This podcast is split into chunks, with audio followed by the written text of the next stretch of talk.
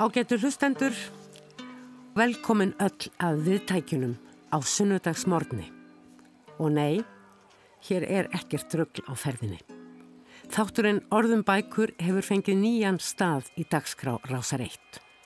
Á sunnudagsmornum klukkan kortir yfir tíu og endurtekin í línulegri dagskrá á gamla tímanum klukkan fjögur síðdegis á laugardögum og svo auðvitað hvenar sem hlustendum hendar í spilaranum. Þátturinn helst þó nokkur dvegin óbreyttur sem fyrrverða höfð orð um nýjar og gamlar bækur, útlendar og innlendar, bækur sem henda fyrir börn og fyrir fullorna. Það verður rætt við höfunda sem og lesendur og fræðafólk fær líka að koma stað og pislahöfundar fá að segja sína skoðun á bókum, höfundum, skriftum, bókaspjöldum, upplestiri, jafnvel á umfjöldin um bókmyndur og skálskap sem hefur tekið stórtækum breytingum á síðustu árum eins og reyndar bókmynda og bóka lífið almennt. Í þessum fyrsta þætti á nýjum tíma stingum við okkur inn í útgáfuhóf Sigurlínar Bjarnigar Gísladóttur en skáltsaga hennar Solborg kom í búðir fyrir halvu mánuði. Í síðara helmingi þáttarins verða svo tilnefningar færienga til bókmyndaveluna Norðurlandaráðs skoðaðar með Guðrúnu Jakobstofu. Fyrstavöllu útgáfu hóf skáldsögu Sigurlínar Bjarnigar Gísladóttur Solrún sem útgefandin Pétur Már Ólafsson fór auðvitað fárum orðum um. Þetta er alveg óskaplega falleg saga og, og sterk saga og, og mögnuð og með óvendum vendingum og, og, hérna, og maður eiginlega bara byrjar að lesa svo, svo bara klára maður bókina. Þannig að er ég mæli með því að koma sér bara vel fyrir og, og njóta þess að hverfa inn í þessa fallegu og sterku skáltsugu sem fjallar um uh, ást og sorg og sekt og svo auðvitað náttúrulega dauðan sem að þess að ekki skáldið tómið heimtir alla En sum sé, Bjarni, gjör það svo vel. Takk fyrir, takk kærlega fyrir að koma. Verið velkomin, fagna með mér. Já, ég er rosalega ánægð og stolt af þessari bók. Þetta er búin á mjög langt ferli, skal ég segja ykkur. Ég byrjaði að fá þessa konu á heilan, gömul kona, sem skrýður út um gluggan á ellihemilinu og fer í puttaferðalag í mjósveitina og ég vissi ekkert af hvernig hún þurfti að fara í mjósettina og hún vissi það ekki heldur. Og við vissum það eiginlega ekkert fyrir bara fyrir nokkur mánuðum. Þannig að þetta er búið að vera í mörg mörg ári og við erum búin að reyna að finna út úr þessu. Og ég er búin að, ég veit ekki hversu oft ég er búin að endurskrifa, hversu oft ég er búin að taka út og bæta inn og henda aftur út og bæta aftur inn. En eins og ég sagði ykkur þá, þá byrjaði með að láta hann að skriða út um gluggan svo stutti setna að koma út bók sem heit Gamlingin muni eftir henni það var náttúrulega stórkostlegt eða þannig fyrir mig. Og, og bókin hún náttúrulega, handriti mitt fór bara lengst ofin í skúfu og var þar í mörg ár. Og svo bara fyrir svona ári síðan þá tók ég það ákvörðun að láta hann ekkert skrið út um gluggan, hún bara lappar út. En ég ætla að fá að lesa fyrir ykkur eitt kapla og ég ætla bara fyrst áðurinn ég gerir það að þakka kærlega fyrir mig, þakka Bjarti fyrir að hafa trú á bókinu og gefa hann út og Páli Valsinni fyrir að rétt stýra henni maður gæti haldið að það væri baka einu svona bók, einn höfundur og kannski eitt rittstjóri, en þetta er alveg hópur á fólki. Ég var eitthvað reyna að tellja það, ábygglega nýju manns hafa lesið við handritið á einhverjum tímum og sumir oftar en einu sinni. Og svo aðastett Svanur, hann braut um bókina og, og stilt upp kápunni og, og það er fólk á lagarnum og það er fólkið í bókabúðunum sem stendur vaktina og svo líka bókin ekki komin á bókasöfnin, kemur kannski næstu viku og eitthvað staðar held ég út um all land eru fólk á bókasöfnunum að flett upp á blaðsíðu 17 og stimpla. Ég veit ekki hvort ég vissi það það er alltaf stimpill að blaðsíðu 17 í öllum bókasarsbókum og við mögum ekki gleyma þessum kindilberum bókana en þá ætlum ég að, lesa kapla nummið 2 kapli sem er sjálfur flóttinn. Og hann heitir Ég byrja reysu mín Sumanóttin lætti sér á milli dökkra gardína og dró bjarta línu yfir gólfið og upp á vegg. Að öðru leiti var rökkur í íbúðinni. Ég seldist eftir vasklasi á náttborðinu og furðaði mig um leið á svitakofinu og skjáltanum sem hríslaðist um líkamann. Ég settist upp og sá á klukkunni að það var ofsnemt að fara á fætur. Það sem komið var fram með miðnætti var ammaliðstagurum minn runin upp. Ég hafði aldrei fengið að vita klukkan hvað ég fættist og þess vegna kom hver mínúta næsta sólaringin til greina. Ég hafði aldrei haft ræna og að spyrja. Fyrir mörgum árum hafði ég komið berrössuð og öskrandi inn í þennan heim. Mér leið ekki eins og ég væri orðin gömul. Það var eins og færtugsaldurinn væri minn andlega aldur. Í raun hafði fátt breyst. Ég hafði alltaf verið ímist með kvef og slen eða fyrirtíðaspennu eða túrverki og svo kom breytingarskeiðið í öllu sínu veldi og þegar það virtist yfirstaðið tóku við óþægindi og alls konar verkir. Tvísvar hafði ég fengið krabbamein í annað brjóstið sem var að lokum fjarlagt. Vinstri mjöðum var slitinn og ég var orðin leið og að hanga á bygglista fyrir aðgerð. Verkirnir kom í veg fyrir að ég gæti synd almennum heimilistörfum og mér myndi að einn laknir hafði talað um minnisleysi en ég kannast ekkert við það. Í gegnum tíðina hafðu laknar haldið ímsu fram sem ekki stóðust. Þegar ég var komin yfir 50 hættu þér að taka mark á mér sama hvað ég reyndi. Hvert nýtt ár virtist færa mér nýja starfstjætt sem heyrði ekki í mér. Glufa í kerfinu reyndist mín mestagæfa. Lítil glufa opnaðist og hleyfti ljósi inn. Ég steigur rúminu og stækkaði glufuna eins og þegar tektur á þvotti og ljósið fletti yfir mig. Það átt að flytja mig á milli íbúða og á milli hæða og fyrir tilviljun sá ég á pappirum sem lágu frammi að starfsfólki hefði rugglast á dagsetningu. Það hjælt að ég færi einum degi fyrr en ég átt að fara. Starfsfólki gæti haldið í einn dag að ég var í farin yfir ný, í nýju íbúðina. Svo ætlum ég bara að reyna að hoppa yfir. Ég vil geta verið að lesa of lengi. Ég lagði við hlustir. Sveppdrungi sveif yfir húsinu og þegar ég leitt fram á gang heyrði ég þungan andadrátt, bergmála á mannlausum ganginum. Klukkan var að verða sex og stutti að nýr dagur rinni upp með öllum sínum vanaföstu búkljóðum. Ég tók töskuna og leitt örstnögt á rúmið þar sem dauðin hafi nýlega lagt hendur sínar yfir byrnu. Þuklað á lakinu og skriði síðan inn í hana. Byrna er sérst önnu persona þarna. Ég fann enþá líktin af, hennum, af honum.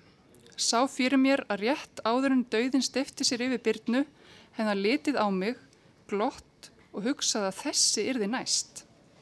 Honum yrði ekki kápan úr því klæðinu.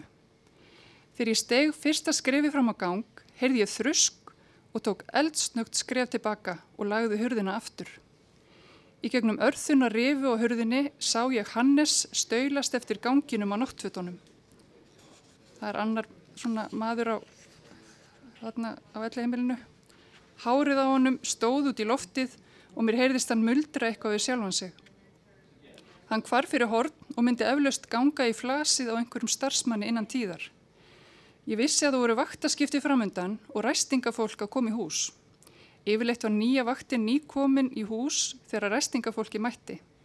Nýja vaktin var enþá að södra kaffi og setja sinni atbyrði næturinnar þegar dyrnar opnuðust og þá geti ég smokra mér út.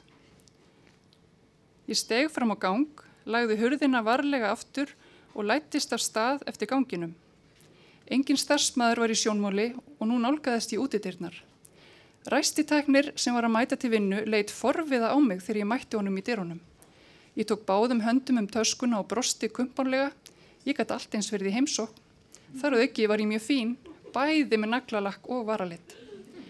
Góðan dægin, ég fekk að koma utan heimsóknatíma, sagði ég til að vekja engar grunnsendir. Konan kinkaði kolli og hraðaði sér inn. Ég smegði mér út og hurðin skall rétt við hæla mína. Morgunin var bjartur og stiltur, sömarið var í algleimi, fugglar sungu og garðurinn ilmaði. Ég gekk eins hratt og ég gat og komst fljótlega í kvarf frá húsinu. Ég fálmaði eftir litlum spekli í töskunni og sá að bleiki varaliturinn var enn á sínum stað og gott ef hrykkunum hafði ekki fækkaði kringum blá augun. Ég brosti og sagði við konuna í speklinum, það er tökkur í þér, kelli mín. Takk fyrir. Við stungum okkur hér inn í útgáfuhóf Sigurlínar Bjarnæjar Gísladóttur þar sem hún fagnaði útkomu stuttrar skáldsögu sem heitir Solrún. Sagan segir frá stróki hinnar áttræðu Solrúnar eins og við heyrðum af elli heimili í höfuborginni og ferðalagi hennar á puttanum norður í Mývasveit. Þú sagðist Sigurlín eða í rauninni verði nú bara að byrja því áskæði til hamingi með þessa klikkuðu og skemmtilegu bók. Takk kærlega fyrir. en þú sagðist að skrifa þessa bók fyrir löngu Já. og lýsing þín á aðdragandunum hljómasóldið eins og hafið viljað rannsaka líf áttræðrar konu. Er skálskapurinn fyrir þér svolítið rannsókn? Ég held að það sé alltaf að ekkur leiti rannsókn og leit og og svona fálum út í loftið ég skrif þess að sögu eh, ég veit ekki hvort að það er sniðast að gera það en þegar ég frumskrif hana þá veit ég ekkert, ég veit ekki hver næsta setning verður ég bara nánast með lokuð augun að þreyfa mig áfram. Mm. og svo bara dúku upp personur og hluti gerast. En svo eftir á lungu eftir á þá bjóð ég meira til tengingar á milli personuna þetta er svolítið eins og að vera ofsóttur okkur um draugi sem að maður býr til sjálfur samt. Að þarna, maður fær engan frið. Og þetta er bara personan þarna sittur um hann og vill fá að, fá að tala og komast út í heiminn? Mér finnst reyndar eins og svona þegar álýður að þá gefur þau svolítið, hvað ég segja, skýtir ansóknina og leifir bara alls konar þjóðsögum og ævintýrum, sögum og ljóðum músík að flæða frjálst inn í frásögnina og lagar hana að í einhvers konar, einhvers konar dansi við solrúnu. Já, já, já. var, er, var erfitt að hemmja þetta flæði? Já, stundum. Ég, þarna ég var komin á tímabili út í svolítið mikla mystík og ég, ég skar hana svolítið burt hún geti verið þannig að hún geti flægt hlutina en það er alveg heilmikil mystík nú þegar Ó já, ó já. Við heyrðum jú hér áðan Pétur Má Ólásson útgefandaðin útlista um hvað þessi saga fjallaði og hann, mér fannst hann uh, til dæmis alveg sleppa því að þessi bók fjallar um líka um draugagang. Já. En fyrst og fremst finnst mér eins og hún fjalli um tilfinningar. Tilfinningar sem að eins og flæða undan öllum skorðum og þú leifir þessu óhefta tilfinningaflæði líka að móta frásögnina. Það má eiginlega segja að kápumyndin sé kannski tákgræn fyrir söguna og frásagnamáta hennar. Þetta er ju portrættljósmynd af gamalli konu og hún er á kvolvi og í þessari sögu er allt svo litið á kvolvi. Já. Þú leifir þér að stökka á milli og eh, ert ekkit endilega superlógisk í eh, frásögninni. Hún kemur stöðugt á óvart þessi frásögn. Hún er raunsæ en þarna gerast hlutir og koma upp tengingar sem að maður kannast við úr lífinu oft á tíðum einhver sem maður hittir, það kemur í ljós að uh, viðkomandi bjó í næsta húsi við þig í mörg ár já, já. og þú vissir ekkit um það. Lífið er ju alltaf ótrúlegra heldur en skálskapurinn. Já, reyndar. Þannig að þið svo kallaði raunsa í skálskap er kannski einhvers konar ofur raunveruleiki, surrealismi. Já. Þú ert alltaf að leikaði með surrealisman. Já, það gerðist bara óvart það, það er skemmtilegt að fara inn í hann og það er líka svo heitlandi mitt við lífið hvað þarna, örlug okkar fléttast saman hvort sem við erum blóttegnd eða ekki, getur líka bara verið vináta og við snertum líf einhvern veginn margra og margir snertar límans sjálfs. Og, og, og þannig að gemið maður um 80 ára þá er maður náttúrulega með heilmikla reynslu og mikla fortíð. Mm og mér finnst það rosalega heitlandi og það er alltaf, ég held að allir sitju uppi með einhver mál sem að þau myndu vilja útkljá og jafnvel er öruglega mjög auðvelt að detti ykkur og svona þráhyggju kakvart gömlum kærustum og kærustu ykkur svona ást sem varð ekki. Mm -hmm. ég held að það sé mjög auðvelt.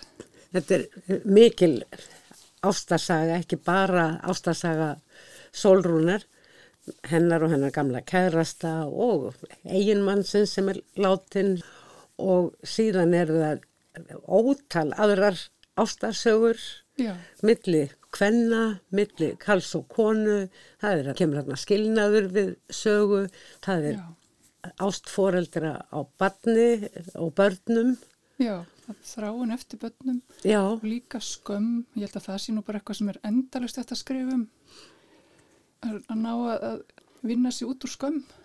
Hún er kannski ekkur leita að gera það svo finnst mér líka alltaf svo heitlandi þetta bara kynsluða bylið, ég held að á marganátt er það óbrúanlegt mm. en við erum samt alltaf að byggja brýr og hvernig gerum við það? Og hún mætir fullt af ungu fólki sem að hún á í samskiptum við. Og hún lærir af þeim á endanum. En um, þetta yfirnáttúrulega uh, draugagangur, uh, ferður á milli heima, já, jáfnvel líka, já, já, miklar draumfarið, það gerist margt í draumum sem hefur síðan áhrif. já. Hugsaðu þá eitthvað út í það hvernig þetta muni komast til skila, hvernig þetta muni upplifast af lesandanum. Ég veit ekki. Ég, þetta er rosalega gaman að hafa svona eitthvað dulafullt og óvænt. Það er alltaf gaman. En það má ekki vera ofmikið. Sko, það verður líka að vera raunveruleiki. En ég, ég vil alls ekki hafa ofmikið á honum heldur. Þannig að það er þetta, þessi blanda og líka þetta hún, hún sér oft svona er að, er að endur upplifa fortíðina. En mér finnst að mig alls ekki vera of mikið af því. Af Því að oft er það sem er spennandi það sem er að fara að gerast. En fortíðar myndirnar sín, gefa okkur kannski meiri mynd af personinni og hvaðan hún kemur og hver hún er. Þetta er alltaf línudans. Bara þú vera með erendi þegar þú ert að skrifa? Að þú viljir opna einhverjar ákveðnar gáttir eða örfa til ákveðina hugleiðinga? Ég er ekki með eitthvað svona skýra sín á það. Ég held að sé kannski meira bara að gefa eitthvað nýja sín á hverstasleikan og, og lífið, vonandi. Og svona bara gera það ríkara. Og það er bara, ég verð allavega, já, ég held að verði alltaf hjá mér eitthvað svona að geta glímt við form. Formglíma og, og bara prófa tilraunir hvað er hægt og hvað er ekki hægt. Fyrsta bók Sigurlínar Bjarniðar Gísladóttur ljóðabókin Fjallvegir í Reykjavík kom út árið 2007 og fylgdu síðan fleiri ljóðabækur í kjölfærið. Þessar bækur hverfast hver fyrir sig, oftast nærum ákveðna hugmynd og fela í sér einhvers konar frásögn. Árið 2015 kom svo fyrsta eiginlega prósaverk Bjarniðar, Jarðvist út. Þetta er heimildaverk sem inniheldur eintöl nokkura námuverkamanna á meðan þeir voru lokaðir inni í námu í Tíle. Öfugt við skáldsöguna Solrúnu sem býr yfir ákveðnum galgópaskap og léttleika er jarðvist afar þjætt og jafnvel þungtverk á köplum. Eftir jarðvist fylgdu svo fleiri ljóða og prósaverk af ýmsum gerðum, síðast örsagnasafnið Stínusögur árið 2019. Nú vinnur Bjarni að sögulegri skáldsögu byggður ég á rannsóknum hennar á handriti Gandreiðar eftir Jón Daðarsson frá Arnarbæli. ég var erfitt með að skrifa langa kapla uh, ég, ég til dæmis er búin að ákveða það að ég mun aldrei skrifa það inn í sögu að afgræslemanneskjan spyr viltu afritið? Eða viltu kvittun? En ég veit ekki, kannski ger ég það. Ég segi það, það á eftir að koma. megi ekki. Mm, það verður aðalatrið. já, kannski. En staðan núna, margt breyst í bókmyndunum á þessum stutta tíma sem að þú hefur verið virkur þáttækandi með þínum skáldskap. Já, ég veldi oft fyrir mér hvort að þarna, við séum bara að lifa síðustu daga bókarinnar sem fyrirbæri. Hljóðbókin er svolítið mikið að taka yfir en ég held hún verði samt áfram til. ég hef trú á því. En ég, ég, ég gæti trú að, að það hafi minkað þessi almenni lestur. Nú er ég að kenna í framhaldsskóla uh, yfirleitt nýnemum Íslensku ekki satt. Íslensku, já. Og það er einhverju nefnendur sem að hafa gaman á lestri og lesa sér til ánægu en ég held þið horfi meira á þætti og, og, lusti kannski á frekar á hlaðvörp eða, hljó, eða hlusta á hljóðbækur. Þetta er svolítið aðtiklisverð breyting og, og ég held hún séti góðs að því ég held að með tilkomi hljóðbækun eru fleiri að njóta. Meðtaka, Meðtaka, skáldskap já. og þá, já, hvað ég segi, þau undra rými Já, já, sem að hann opnar. já. Gáldsögu formið er náttúrulega risastór leikvöllur í rauninni og kannski þess vegna hefur hún lifað svona lengi og er svona vinsæl. En svo er, er maður náttúrulega alltaf eitthvað að dútla í ljóðum. Það hættir aldrei, held ég. Ljóðin getur náttúrulega bara verið svona lítil og stök og svo eru sum sem maður er að ströggla við lengi. En meðan að skáldsögur eru, maður þarf meiri tíma kannski í þær og, og þarna, þetta er stærri heimur. Maður þarf að búa til marga þræði sem þurfa að ganga upp Mm. og hafa yfirsýn. Búa til personur, þær þurfa að vera raunsannar og bara að það myndist tenging, í rauninni að lesandin tengi. Mm. Ég held að það sé alltaf aðalatriðið. Og maður finnur alveg að maður tengir ekki, þá leggur maður bókina frá sér. En það er gaman að vera skáld. Já, En það, það getur líka verið, þarna, það kom alveg eins og ég held að þessi bók myndi ekkit koma út og, og ég erði bara hreinlega hægt að skrifa. En svo bara tekum maður sér takk og, og þarna, heldur áfram. Sigurlín Bjarni Gísladóttir, kærar þakkir fyrir að spjalla um sólrúnu sem að ég hygg að lesendur eigi eftir að elska. Já, takk hjá fyrir. Er svo helviti skemmtileg kettling. Já, takk. Tökkur í henni. Já, já.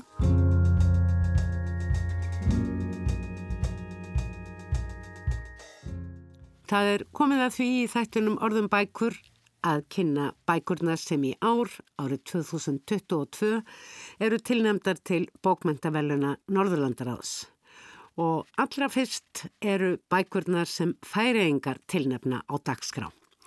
Ég er með Guðrúnu í Jakobs stofu á línunni. En Guðrún er færiskur bókmyndafræðingur sem vinnur nú að doktorsrannsókn þar sem hún rannsakar lýsingar á haf og strandsvæðum í enskum og norrænum bókmyndum. Guðrún hefur starfað sem bladamaður og setið í valnefnd færiða um tilnefningar til bókmyndaveluna Norðurlandaráðs. Heil og sæl Guðrún sem ert stödd í Bern í Sviss þar sem þú stundar þína doktorsrannsókn, ekki satt? Jú, heil og sæl Jórun, gaman að fá að vera með þér í dag. Já, sannarlega. Takk fyrir að gefa þér tíma. Færiengar tilnefna að vanda tvær bækur til bókmyndaveluna Norðurlandaráðs, eina fullorðinsbók og eina barnabók og eins og svo oft áður er bókin sem tilnefnd er til hérna gamalgrónu veluna Ljóðabók. Solgarðurinn heitur hún og er önnur bók höfundarins Beinis Bergsonar. Barnabókin sem færi enga tilnefna árið 2022 er hins vegar myndabók með texta ætluð yngstu lesendunum Abbi og ég og Abbi, Afi og ég og Afi eftir þau Daniel Haudal og Anniku. Eigum við að byrja á Solgarðunum Guðrún? Já, endilega. Hvað þýðir þetta orð Solgarður nákvæmlega? Ég býst við að Íslandingar skilja það nákvæmlega eins og við bæringar skilja þetta. Þetta er bara í beitni þýðingu garður sem fær sól og sem vendur eða snýst í átt að sólinni kannski búin að búa til góðar aðstæður svo að sólinn nýst best. Og þetta er algengt færist orð. Já, ef maður er búin að, veist, að búa til sér góðan sólgarð, þá er þetta notað orð. Þetta er ekki svona mjög algengt orð, minn ég segja. Þetta er mjög viðfæðum bók, Sólgarðurinn,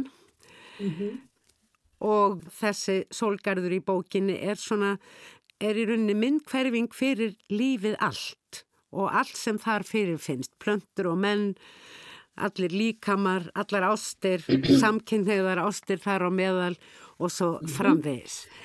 Þetta er, já, garður sem er svona byggður með grjóti sem, sem sagt, amman, hún sem bjóð til garður, er búin að sapna frá fjalli sem er í kringum uh, byggðina þar sem, þar sem uh, Garðurinn er. sólgarðurinn er, já. Og þetta er mjög algengt að svona byggja, uh, að byggja garð með grjóti, það er svona gamal síður.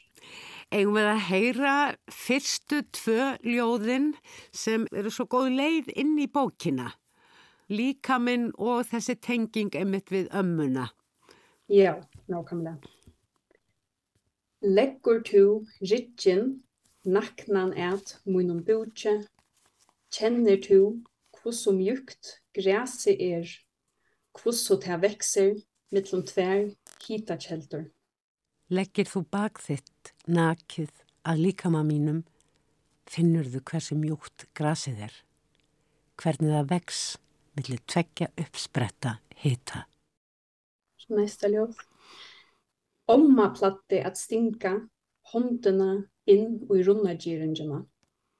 Tökti sig eftir berum til okkun. Hún skurslaði honduna á grænum. Hún segi, Úrstagarurinn trúfust þá hann fer eitt sindur á blói. Amma var vön að stinga hönd inn í runna, tegja sig eftir berjum handa okkur. Hönd hennar rispuð af greinum. Hún sagði, júrstagarðurinn nærist við að fá örlítið blóð. Þetta er þroskasaga, þessi bók. Já. Hvernig myndið þú lýsa þessari bók? Þetta er jú mjög ungur höfundur já. og þetta er bara önnur bókinans. Nefnilega, já. Þetta er ungur höfundur og jú, þetta er alveg einhvers konar þróskasaga og ef ég vil lýsa henni þá held ég það sem er svona aðatrið er að hún fer fram á, á svona tveimur svæðum eða svona aðtapnasviðum og það er hérna garðurinn sem safnið náttúrulega heitir eftir og svo er það í svefnherbergi og garðurinn er náttúrulega þessi sólgarður sem ömmu ljóðmælandans bjóð til sjálf og hitt svæðið er svefnherbergið og meira nákvæmlega rúmið þar sem ljóðmælandin á svona ástar og kynlífsamband með annan ónefnan mann og amma ljóðmælandans hún er látin og það er gegnum garðin og samtöl við afan að ljóðmælandin getur nángast ömmu sinni en líka kemur í samband með náttúruna og gróðurinn í garðinum. Uh, það verður líst svona mjög nákvæmlega og nálægt hvernig plöntur blóm og gróður vaksa í þessum gardi og hvað skortýr finnast þar og hvernig molding kennst þegar maður vinnir með höndunum. Og þú veist, ma maður getur alveg búið við að svona garður er ekkert sérstaklega stór um, en, en gegnum þetta nálega sjónarhórn þá þess að vera mjög stór. Það er mikið uppgöð, það er mikið að skinja bæði litum, leikt og tilfinningum og svo framvegis.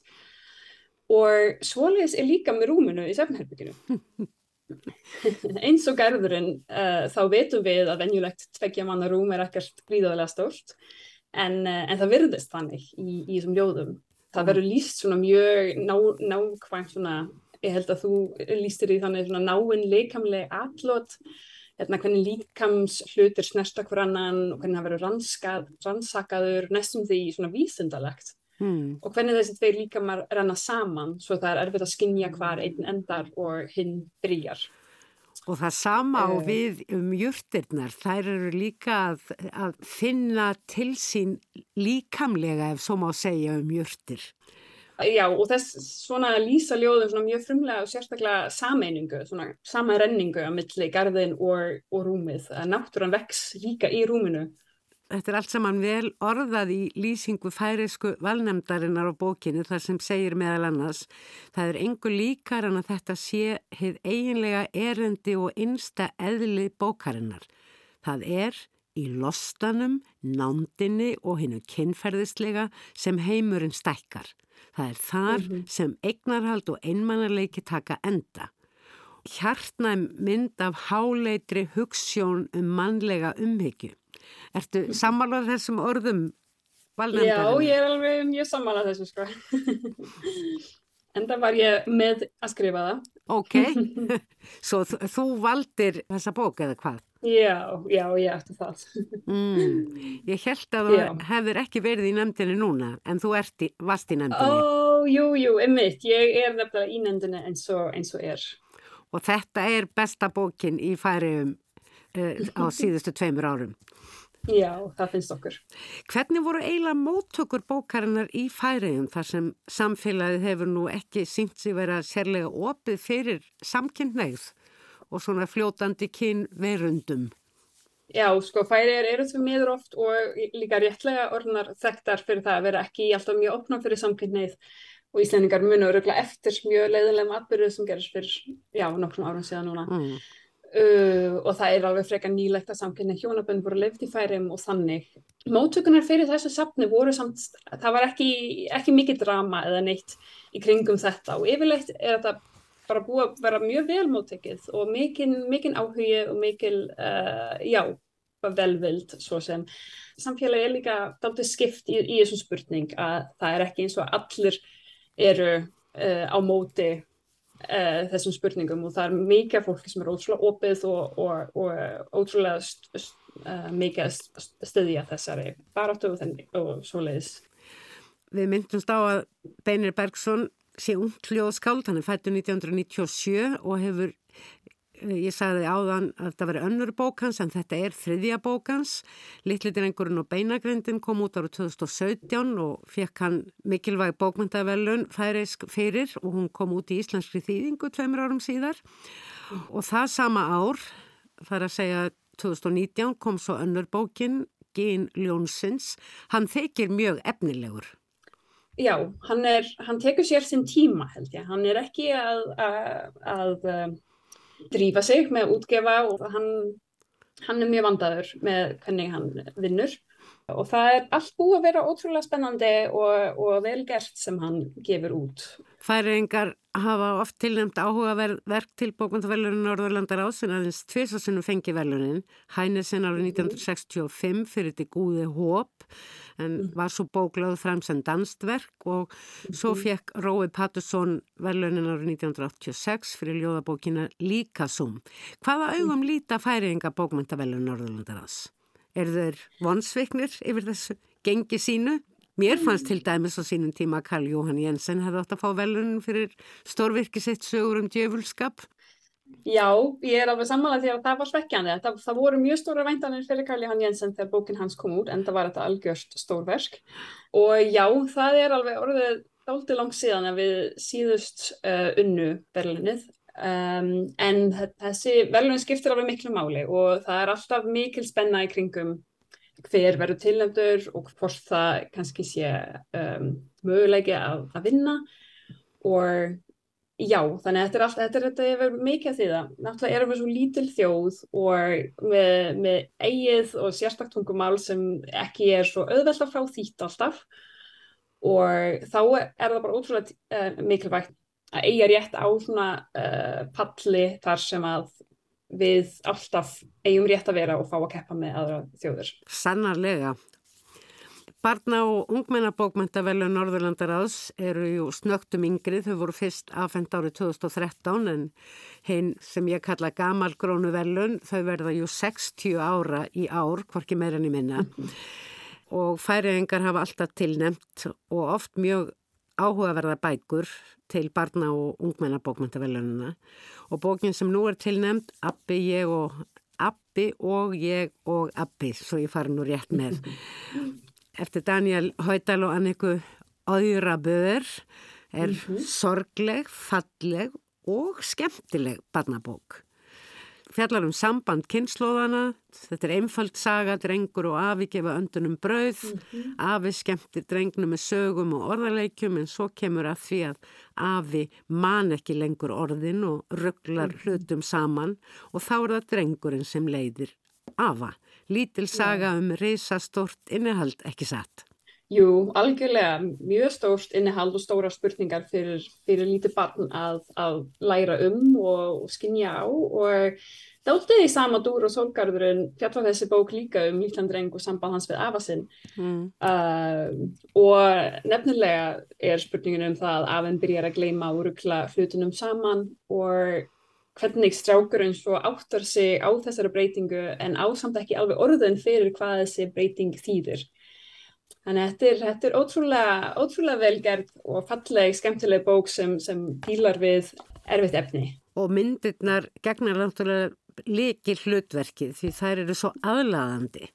Fallegar en líka svona einfalda, svolítið stílfærar, þetta er svona hluta til klippimyndir. Já, þær eru bara ótrúlega vel um, hefnaðar. Annika Aurabö, hún, uh, hún er búin að vinna mikið með uh, barnabókum og búin að að búa til, uh, hvað, hvað segir maður, mynd, myndpríða, segjum við. Já, myndpríða, það er mjög fallegt. Já, bækur bæði í Danmarku og fyrir Holland, uh, hollandskar barnabækur og svo framvegis, þannig að hún er, uh, hún er mikið, mikið að vinna í því og, og gerur ótrúlega spennandi, spennandi list, finnst mér. Er ekki barnabóka útgáfa nokkuð blómleg í færiðum? Mér finnst þess að barnabóka útgáfa sé kannski blómlegri og mikilvægri hjá litlum þjóðum því að það getur verið svo til þess að gera stýrt að, að þýða fyrir svona lítinn markað. Jú, það getur vel verið að hún sé nokkuð blómleg. Það er alveg mikið að gefast út og mikið af skemmtilegum uh, bókum og það er að, að, um, að vinna með ímsum svona öðruvísu leiðum og að uh, tengja saman tónlist, tengja saman myndlist og, mm. og þannig saman, þannig það er alveg frekar blómleg held ég. Við myndum staðins á þýðingar og þetta litla bókmyndarsamfélag sem færiðar er og Ísland er í raunni líka og mikilvægi þess að, að fyrir höfundan að koma bókum sínum svona kannski meira út í hinn stóra heim. Mm -hmm. Hefur þú hugmyndum hvað svona um það byrj eru gefnur út margar bækur á ári, eru bókmyndið og bókaútgafa mikilvægi í færiðum í dag? Ég hef ekki alveg svona yfirleitt yfir hvað koma margar bækur út á árið, það getur verið dáltið ímislegt. Eh, það er alltaf búið að vera mikil, mikil áhugi fyrir bókmyndum og bókmynduútgáfum í færum og stundum hefur það kannski verið dáltið mikið á svona aftur, afturleitjandi og, og Sögum um gamla daga eða hvað? Já, dáld, smá þannig. En ég held samt í þessum dögun er ótrúlega mikið skemmtilegt að gerast. Það er mikið á, svona, á, á, á stórst ungt ættalið sem er virkilega að byrja að vinna með svona miklu meira, uh, hvað heitir það? Tilraunakendari uh, já, aðferðir? Tilraunakendari uh, aðferðum og að, að, með tónlist líka og svo er þarna litlu forlaugin eru orðin meira svona uh, komið meira fram og þau eru að reyna að útgefa ímislegt mm. og svo og svo náttúrulega háskólinn komið með sérgrein sem heitir Rittlist og það er mikið spennandi að gera og koma þar og þetta er ótrúlega mikilvægt að það er svona, svona háskóla sem, sem líka reynir að fá ljóð, að taka þátt í, í þróuninni í, á, á sviði bókmyndana Nef, nefnilega, já En það er ju mikið að gerast líka svona í umhverfi bókmyndana. Hljóðbækur hafa allra síðustu árum komið mjög stertinn í bókmyndalífið allstæðir í heiminum. Fólk mm -hmm. hlustar nú jafnvel frekar á bækur en að lesi þær. Er þetta já. líka þróunin í færiðum? Já, já, algjörlega. Fólk hlustar og það flest allar bækur sem verða þýttar, sem verða skrifaðar hær verða líka lesnar inn og koma svo inn á, inn á um, streymisveitur já, já, einmitt og ljóðabækur líka kannski ekki jafn mikið, öruglega ekki mm. en uh, en ljóðið já. er svolítið bókmyndaform færiðinga Já, það er það. Jáfnvel þótt að þeirra stóri höfundur í fortíðinni sé Hænesen og hann er ju þekktur fyrir miklar og episkar skáltsögur. Já, það er rétt. Það er mikið um, um, um ljóðabækur í færi. Það, er, það finnst mér svolítið áhugaverk hvað kemur til og það er, er, eh, er aðal formið sem við hmm. útgefum í. Já, heyrðu, ég held að við látum þessu bara lokið. Er eitthvað fleira sem þú vildir segja, Guðrún? Nei, spórsum. Ég var Við vorum að spá í öðru ljóði að lesa kannski. Einmitt. Um, við ættum kannski að ljúka þessu á því ljóði. Það er aftarlega í bókinni ljóðin er hans uh, Beinis Bergsonar eru ju öll án titils og mm -hmm. þar dregur hann svona eiginlega saman upphafið eða tengir sig við upphaf bókarinnar, ljóðið sem þú lasti í upphafi.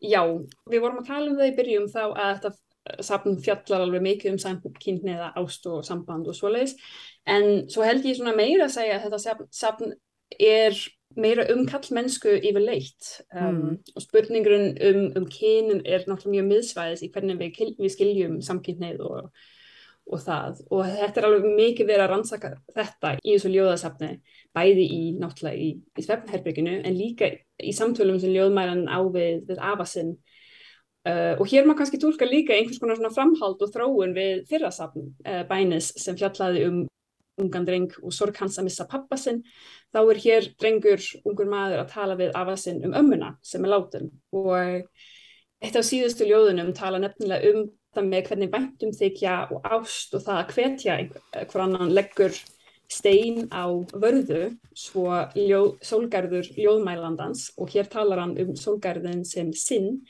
að sést betra af öðrum kallmönnum og ég lesa þetta eins og bara mjög fallegt ljóð sem er sérstaklega vegna þess að hér tala ljóðið út um þessi tvö megin svæði, garðin og svefnherbyggið og talar til aðra kallmenn og hér verður það mjög skýrst og það er samt um kallmennsku og svo líka mjög hressandi hvernig ljóðið notar táknuð um maður, vörðuna, varðan Já, sem er mjög vennjulegt tákn ímynd í færiðskum bókmyndum og list allavega, veit ekki alveg hvort það sé eins á Íslandi. Jú, sannlega um, og stundum er þetta nefnilega oft lesað eins og svona klassíst fallostáknum svona hefðbundna kallmennsku en hér er það nefnilega sett inn í svona nýtt queer samhengi sem er bæðið uh, frumlegt og bara ótrúlega hressandi fyrir bókmynda hefðina. Heyrum ljóðið. Já. Hverja fer tíð gefa mér heraklöpp kvína mér um kjolkan kittla mig heka um mig lyfta mig upp halda mér uppe, spela við mig, orðlest, leggja tíð ein stein og ein verja, så mun sól gerur sast betur, þá erir minn byllast nærindis. Guðrún í Jakobstofu, kæra þakkir fyrir þennan dásamlega lestur á ljóði Beinis Bergsonar og ljóðabókan Solgarður sem er í tilnæm til bókmæntavelunum Norðurlandaráðs og takk fyrir samtalið. Takk sem við leiðis. Fleiri verða þau ekki þessi fyrstu orðum bækur á nýjum tíma. Takk fyrir að hlusta, verði sæl.